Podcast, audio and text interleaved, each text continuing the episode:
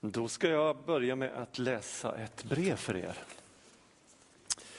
Det här var ett brev som eh, landade i min brevlåda. Så här står det. Hej! Jag vill bara skriva för att tacka och berätta om mitt första, men absolut inte sista besök i er kyrka förra söndagen. Jag är en 37-årig kvinna som lever ensam med min dotter och driver en frisörsalong. Det var där i frisörsalongen som jag första gången fick höra talas om er kyrka. Jag klipper regelbundet Elin som är med i er kyrka. Vi har flera gemensamma bekanta.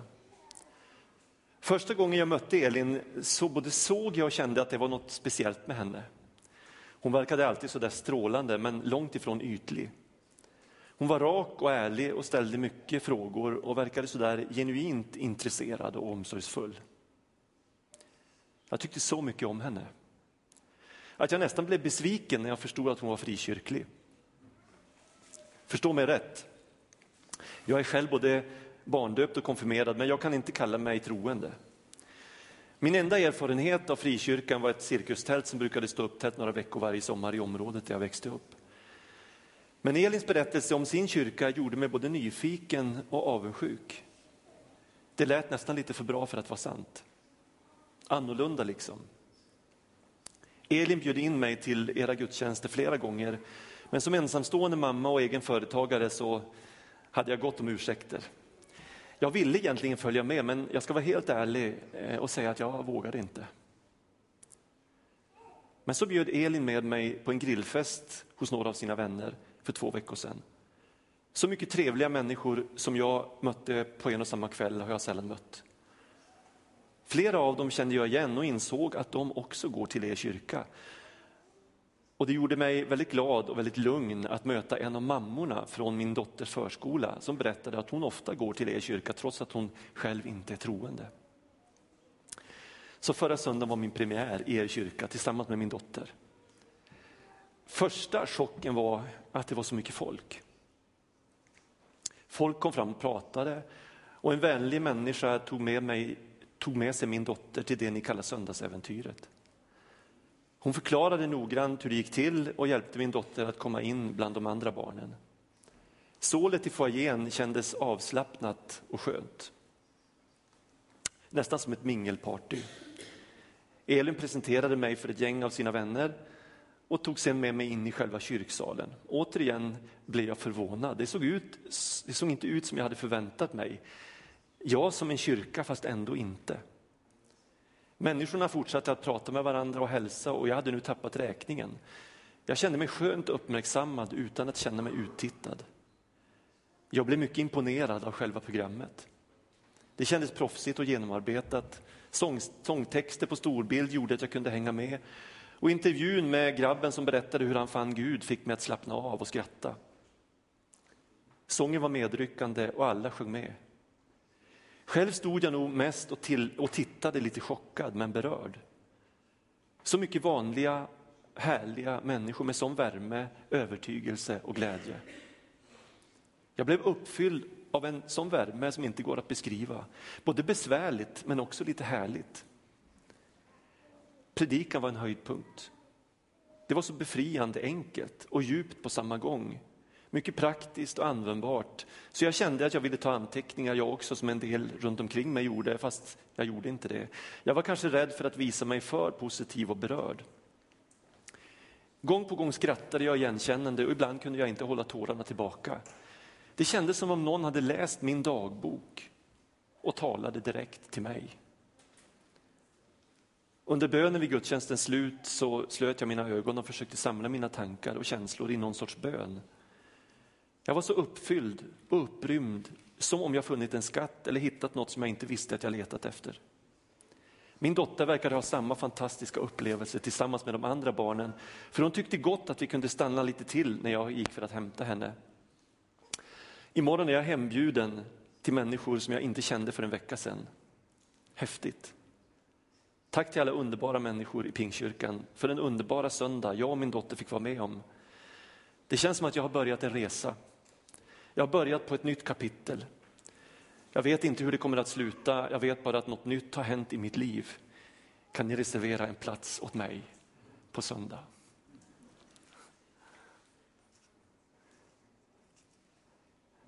Eh, känner ni att ni blir glada?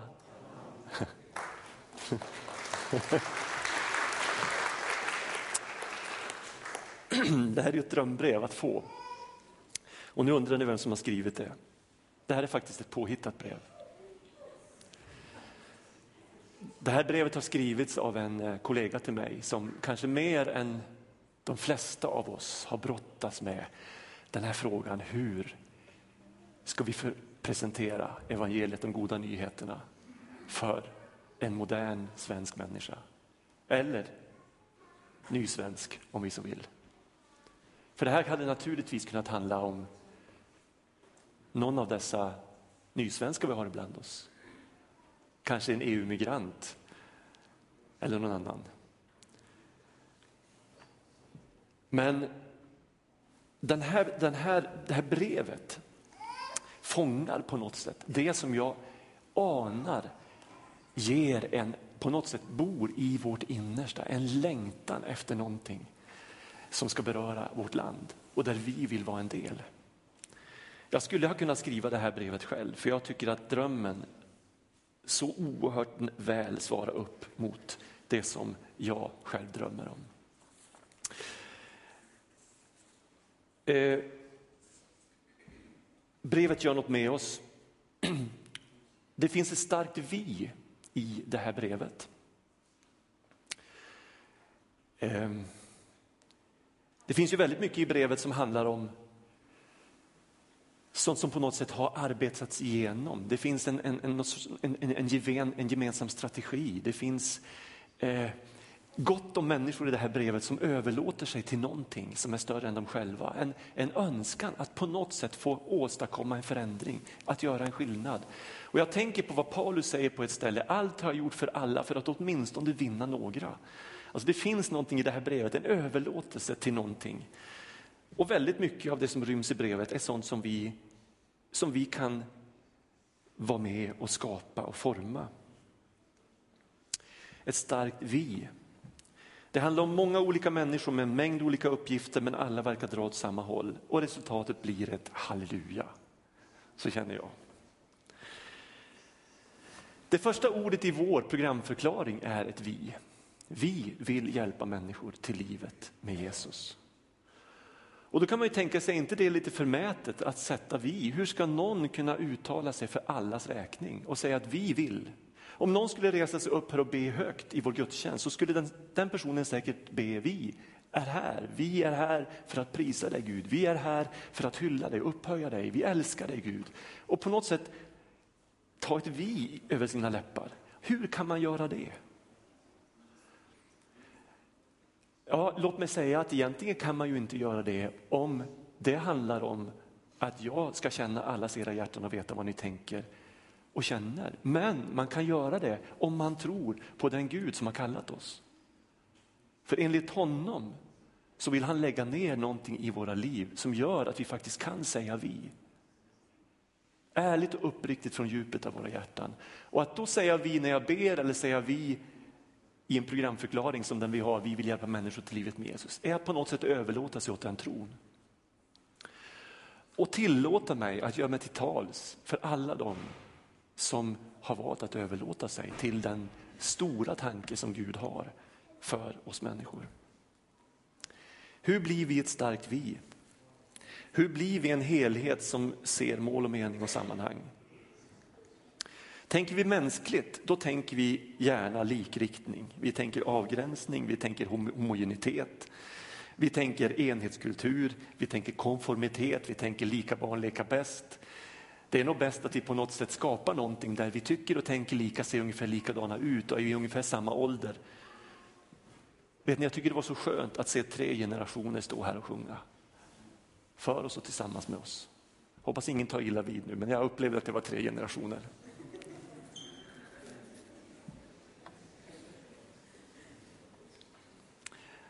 Och den som utgjorde den tredje generationen vet vem jag pratar om.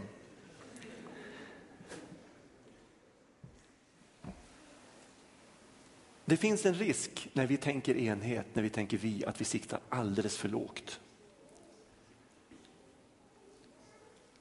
Och då kommer vi att bygga något annat än Guds rike. Vi kanske kan bygga någonting som åtminstone under en kort period är väldigt bra, Någonting som faktiskt folk imponeras av och tänker det där var fantastiskt. Men i det långa loppet så kommer vi att misslyckas. För ska vi bygga Guds rike så måste vi tänka som Gud och då måste vi ha Guds hjärtslag i vårt bröst. Vi måste överlåta oss till någonting som är större än oss själva. Och det ska den här predikan handla om. Det här blir ingen predikan i tre punkter utan jag ville med några svepande penseldrag måla en bild som jag hoppas ska vara så stark att den fastnar i ditt inre och blir till hjälp för dig i alla dina egna personliga vardagsval. Men också för oss som gemenskap för att bygga någonting som Gud i värme ler åt i himlen och säger det här är gott. Det här är jag med på. Det här välsignar jag. Eh, så lyssna nu. Ska vi komma rätt så måste vi börja i himlen. Och nu vill jag få fram ett bibelord här på duken. Vi ska börja i Johannes uppenbarelse. Vi får ett ögonblick blicka in i gudstjänsten med lovsången kring Guds tron. Och så här står det. Och jag såg mitt för tronen och de fyra varelserna och mitt för det äldste stod ett lamm och det såg ut att ha blivit slaktat. Det hade sju horn och sju ögon som är Guds sju andar som har sänts ut över hela jorden. Och kom då ihåg att, att sju, det är fullkomlighetens tal.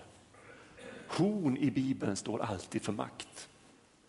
Ögon och ande står för närvaro. Så vad som står här, det är att jag såg ett lamm med fullkomlig makt, med fullkomlig närvaro, allestädes närvarande. De gick fram och tog boken ur högra handen på honom som satt på tronen och när de tog boken föll de fyra varelserna och de 24 äldste ner inför lammet, var och en med, sin, med en harpa och en guldskål fylld med rökelse som är de heligas böner. Och de sjöng en ny sång. Och jag tycker det är underbart att i himlen kommer vi att sjunga en ny sång. Så du sitter här med dina favoriter och du tänker varför sjunger vi inte de sångerna i kyrkan? Var så säker, i himlen så kommer ingen av någon generations sånger att sjungas utan det kommer att vara en ny sång. Och ingen kommer att protestera. Du är värdig att ta boken och bryta dess sigill, ty du har blivit slaktad och med ditt blod har du friköpt åt Gud människor av alla stammar och språk och folk och länder. Du har gjort dem till ett kungadöme åt vår Gud, till präster åt honom och de ska vara kungar på jorden. Vi möter ungefär samma eh, eh, innehåll och uppräkning i två kapitel senare, samma versar. Eh, och det är otroligt intressant att här, här beskriver Johannes den här visionen och han använder fyra uttryck. Han säger eh, stammar. Jag är ingen grekisktalande person men jag tror att det uttalas fyles. Stammar, det kan stå för en stor familj med alla generationer, med barn, med föräldrar, med far och morföräldrar som bor under samma tak eller i samma sammanhang. Det kan vara ett vidgat sammanhang med människor som, som, som bor på samma ställe, som lever under samma kultur, som, som talar samma språk, som förstår varandra och tänker ungefär likadant. Och det kan också handla om människor som är likasinnade, som tänker likadant som har samma kultur. Och här står det av alla stammar. Alla stammar. Och jag tänker mig, för att nu använda ett modernt uttryck, att i himlen kommer alla subkulturer att stå skuldra vid skuldra. Och sjunga en ny sång inför tronen. Här talas om språk, grekiskans glosses, alltså vårt glosa. Alla språk. Ehm, det kommer att finnas slang i himlen. Och det kommer att finnas eh, alla världens språk, alla världens tungomål kommer att finnas. Alla folk, och när, det här ordet folk som, som är la, lao eh, används så är det ofta ett, ett, ett uttryck för, för Israels folk. Alltså här kommer Folket som utvalts bland alla andra folk för att hela världen skulle välsignas att finnas och alla länder, alla världens nationer. En, en, en fyrfaldig proklamation om att i himlen så kommer vi att vara väldigt, väldigt olika varandra. Där kommer alla typer av människor att finnas. Och Det säger mig att om Gud skulle stå här och blicka ut över den här församlingen så skulle han önska att det såg likadant ut här. Att här skulle finnas människor av alla sorter. Mängder av olika språk. Jag är så glad att vi idag kan tolka den här gudstjänsten till åtminstone serbiska och engelska. Jag skulle önska att vi kunde tolka den till många, många fler språk och att det skulle finnas behov av det.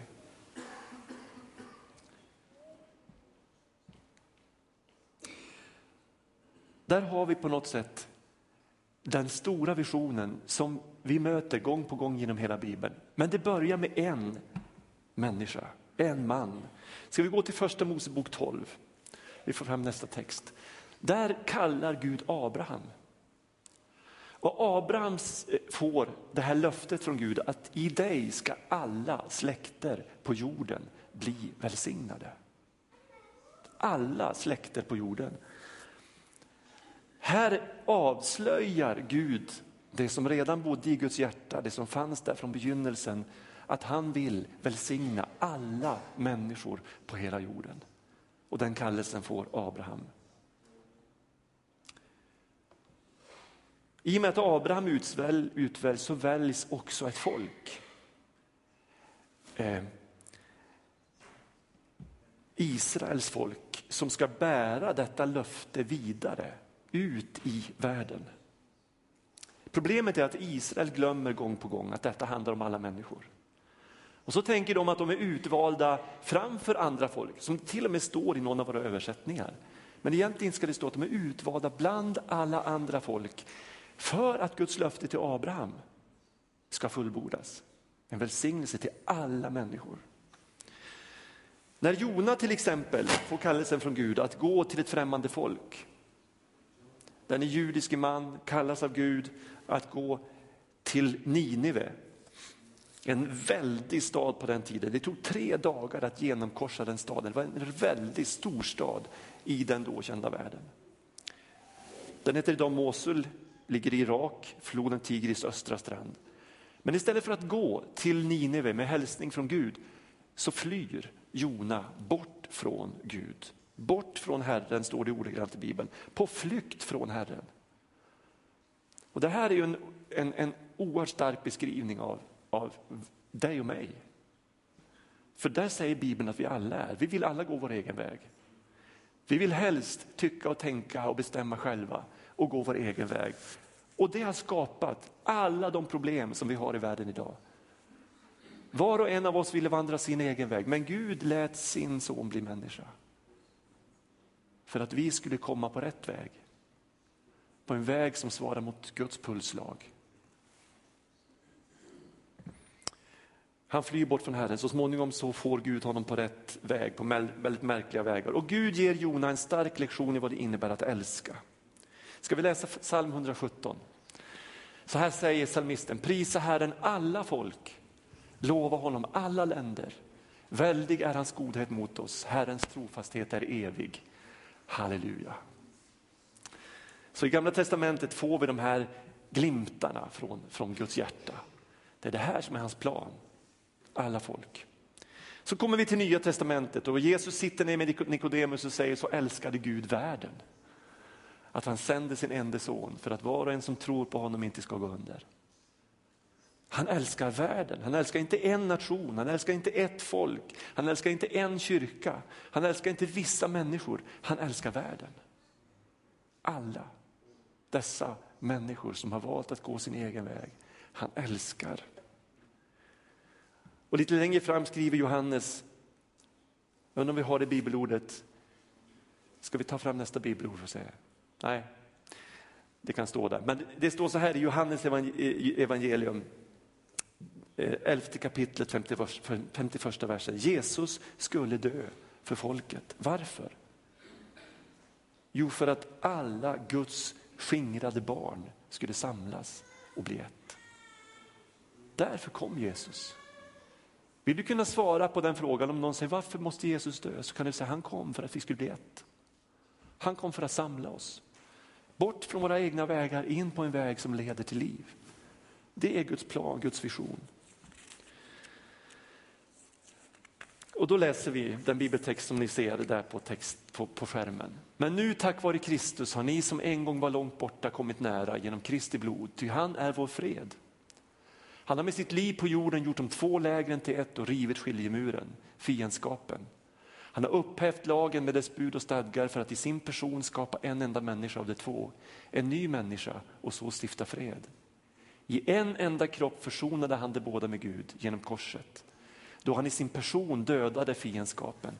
Han har kommit med budskap om fred för er som var långt borta och fred för dem som var nära. Ty genom honom kan både vi och ni nalkas Fadern i en enda ande. Alltså är ni inte längre gäster och främlingar utan äger samma medborgarskap som de heliga och har ett hem hos Gud. Ni har fogats in i den byggnad som har apostlarna och profeterna till grund och Kristus Jesus själv till hörnsten. Genom honom hålls hela byggnaden ihop och växer upp till ett heligt tempel i Herren. Genom honom fogas också ni samman till en andlig boning åt Gud. Nästa bibelord. Alla är ni nämligen genom tron Guds söner i Kristus Jesus. Är ni döpta in i Kristus har ni också iklätt er Kristus. Nu är ingen längre jude eller grek, slav eller fri, man eller kvinna, alla är ni ett i Kristus.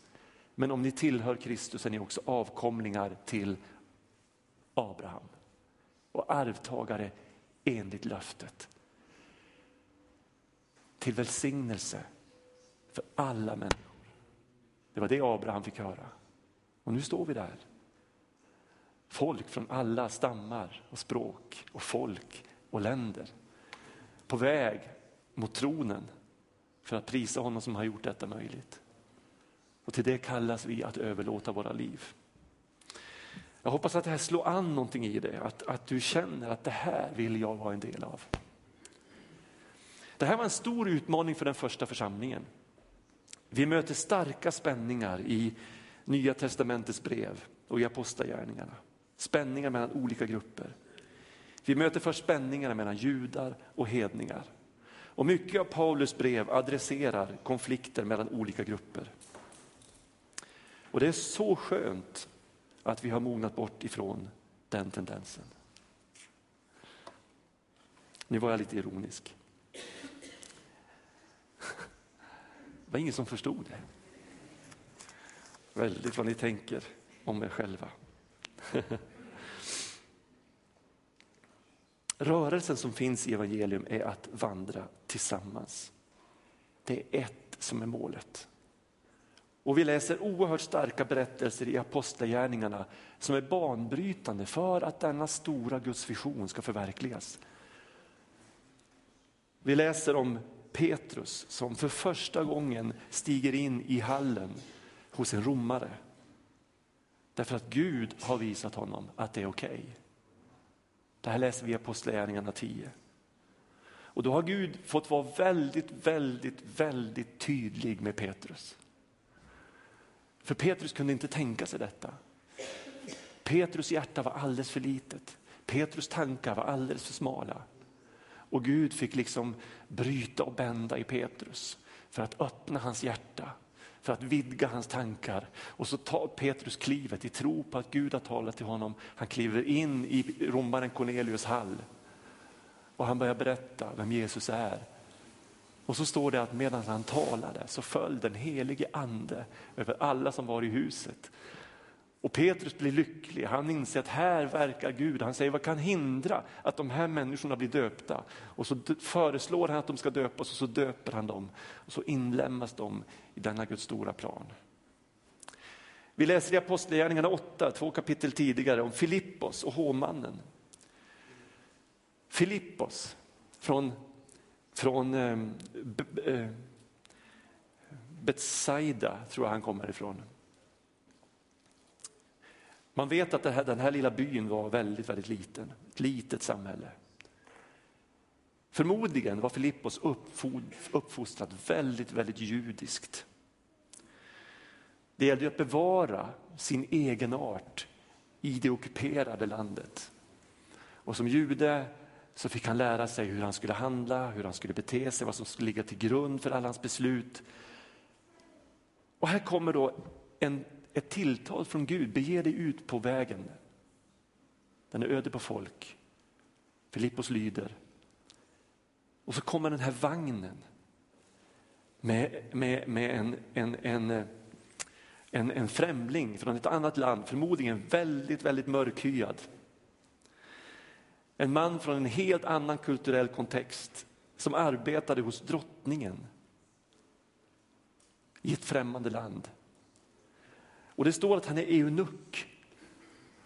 Han tjänar vid hovet som eunuck, vilket innebär att han är, han är könsstympad. Vilket var väldigt vanligt på den här tiden. Och han tillhörde en, en, en grupp som tjänade vid hoven eh, eh, och han hade en väldigt hög befattning. Han, man kunde säga att han var, han var finansminister i det här landet. Och nu hade han varit i Jerusalem för att tillbe Gud. Alltså det fanns en andlig hunger hos den här mannen. Han var ingen jude. Han hade åkt dit för att tillbe, han hade en längtan efter Gud. Anden driver Filippos till det här mötet med hovmannen. Och han sitter och läser i skrifterna, han förstår inte vad han läser. Och Filippos använder det här tillfället att berätta om vem Jesus är för den här mannen. Och han drabbas av Gud. Han inser att det här vill jag tro på. Han tar emot Jesus och så säger han, vad finns det för hinder att jag blir döpt? Och nu kan ni vara så säkra på att i Filippos hjärna så händer det grejer. Här står han inför att döpa en person som för det första är väldigt, väldigt, väldigt mörkhyad. Som jobbar vid ett främmande lands hov. Han är eunuck. Och den första tanken är säkert från Filippos, nej det kan jag inte göra. Jag kan inte döpa den här mannen. För han har 50 Mosebok 23 i huvudet, ska vi få fram den texten? Där det står så här, ta nästa bild. Ingen som har fått testiklarna krossade eller lämmen avskuren får upptas i Herrens församling. Ingen av blandad härkomst får upptas i Herrens församling. Inte ens hans efterkommande i tionde led får upptas där. Så här blir det brottning i Filippos hjärta. Men så är den helige ande där. Och så påminner den helige ande, men Filippos, läs Jesaja 56. Påminn dig vad som står i Jesaja 56. För fram nästa text. Så säger Herren, håll till det som är rätt och handla rättfärdigt, till min hjälp kommer snart, min rättfärdighet ska segra. Lycklig den som handlar så, den människa som, som håller fast vid detta. Att iaktta sabbaten, att inte vanhelga den, att avhålla sig från allt ont. Främlingen som sluter sig till Herren ska inte säga, Herren håller mig skild från, sin, från sitt folk. Och den snöpte ska inte säga, jag är ett förtorkat träd. Ty så säger Herren, snöpta som iakttar mina sabbater som gärna gör min vilja och håller fast med mitt förbund, de ska, de ska i mitt hus, inom mina murar få ett namn, ett äreminne som är bättre än söner och döttrar. Ett evigt oförgängligt namn ska jag ge dem. Främlingar som sluter sig till Herren och vill göra tjänst hos honom älska Herrens namn och vara hans tjänare. Ja, alla som iakttar sabbaten och inte vanhelgar den och håller fast vid mitt förbund får komma till mitt heliga berg och glädjas i mitt bönehus. Och deras brännoffer och slaktoffer ska jag ta emot på mitt altare. Mitt hus ska kallas ett bönens hus för alla folk. Och så drar Filippos en suck av lättnad. Gud är med mig, jag kan döpa den här mannen. Så döper han hovmannen och så skiljs deras vägar och sen tar Gud hand om resten. Och så går den här mannen glad, fortsätter på sin resa och så grundar han församlingar. Så långt vi kan förstå så går han vidare som en Herrens tjänare och är med och grundar nya församlingar. När evangelium sprids så är det berättelser som den här som möter oss.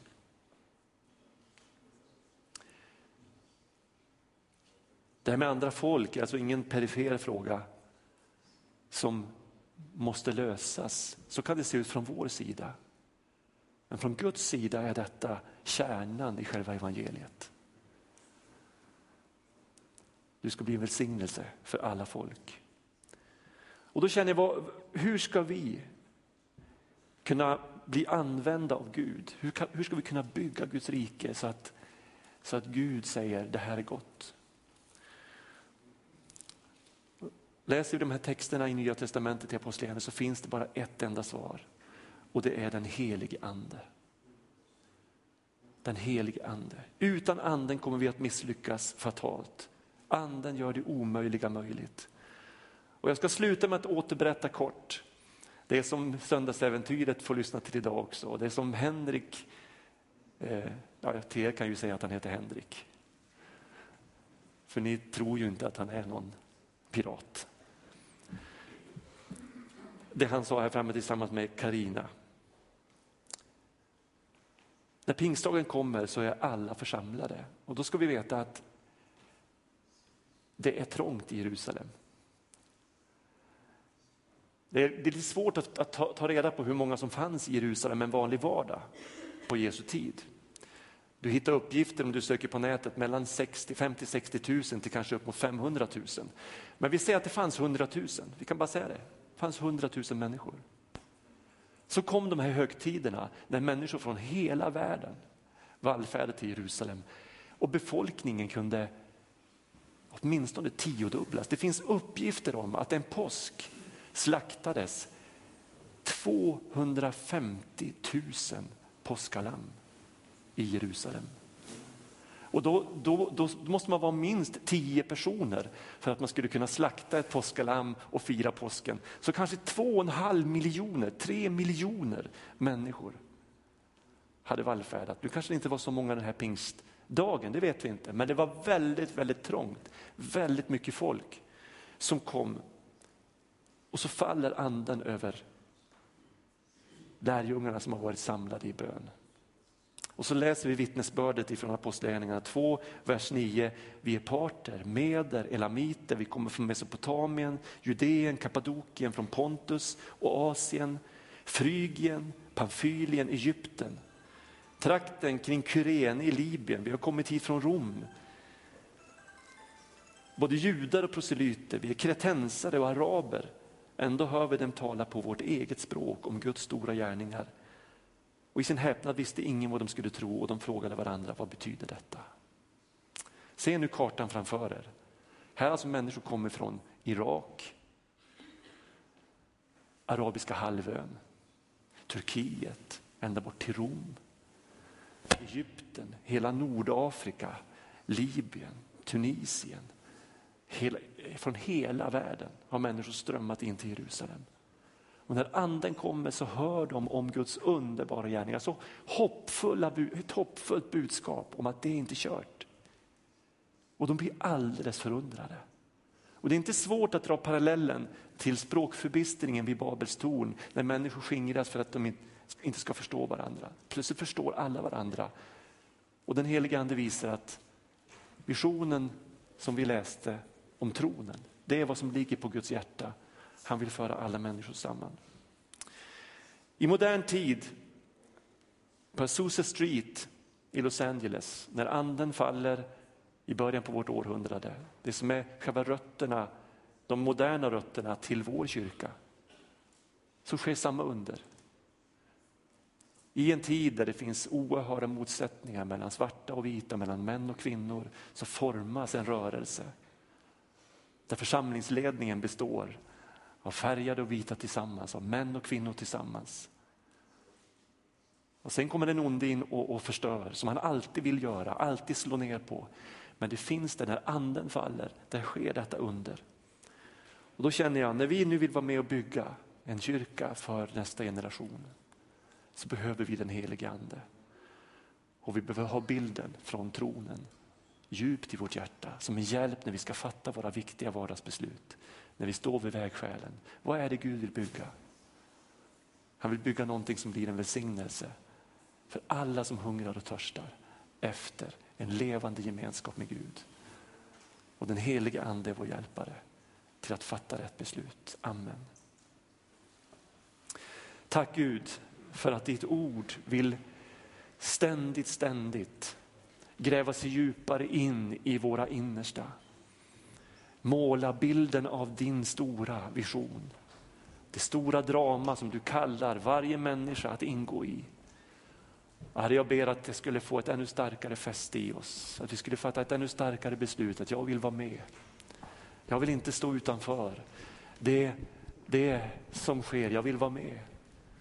Jag vill överlåta mig till någonting som är större. Jag vill vara en del av en, en, en, en, en välsignad rörelse som drar människor in i gemenskap, som ger människor hopp och tro.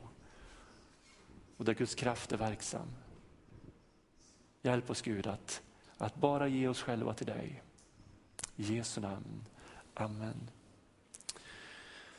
Vi ska nu gå in och fira nattvard och får jag bara säga det, vi kommer att ge möjlighet för alla att bli smorda med olja under nattvarden. Se det som en, ett tillfälle att bara bli välsignad. Att på något sätt få säga Gud, jag vill vara en del av detta. Jag behöver din välsignelse, jag behöver den helige ande över mitt liv. Och så tar du emot den välsignelsen. Det kommer bli kort, inte många ord, men Gud är här och verkar. Och vill du ha personlig förbön så kommer det att finnas förebedjare som ber lite längre om du vill berätta eller så. De sitter där i lilla salen. Men nu ska vi gå in i nattvarden med hjälp av Peter och hans vänner.